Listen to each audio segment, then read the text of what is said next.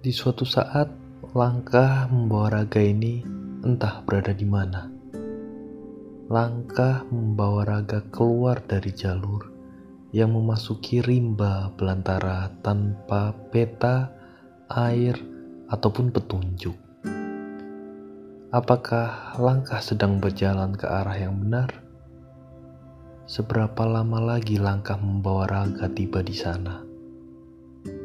Seberapa jauh raga bisa bertahan?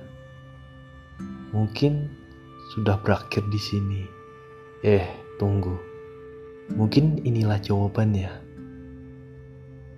Dan ketika raga ini berpapasan dengan rintangan, raga mempertanyakan seluruh perjalanan langkah itu. Mungkin sudah waktunya untuk berbalik.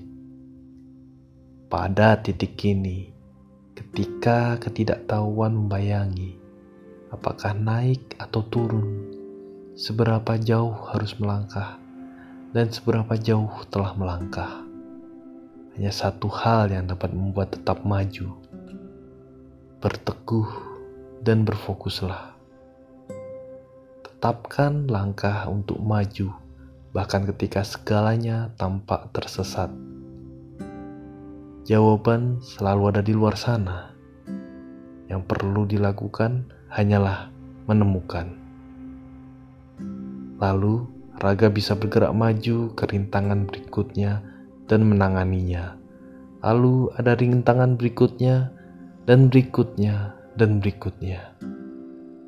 Dengan melakukan berteguh ini, kamu tidak pernah harus bertanya ke mana kamu berjalan. Kamu tidak perlu mencemaskan berapa kilometer lagi kamu harus melangkah. Alih-alih menghindari, kamu menjadi seseorang yang mencintai rintangan. Karena itulah kunci menuju cahaya. Kamu cukup mengambil langkah berteguh setiap waktu.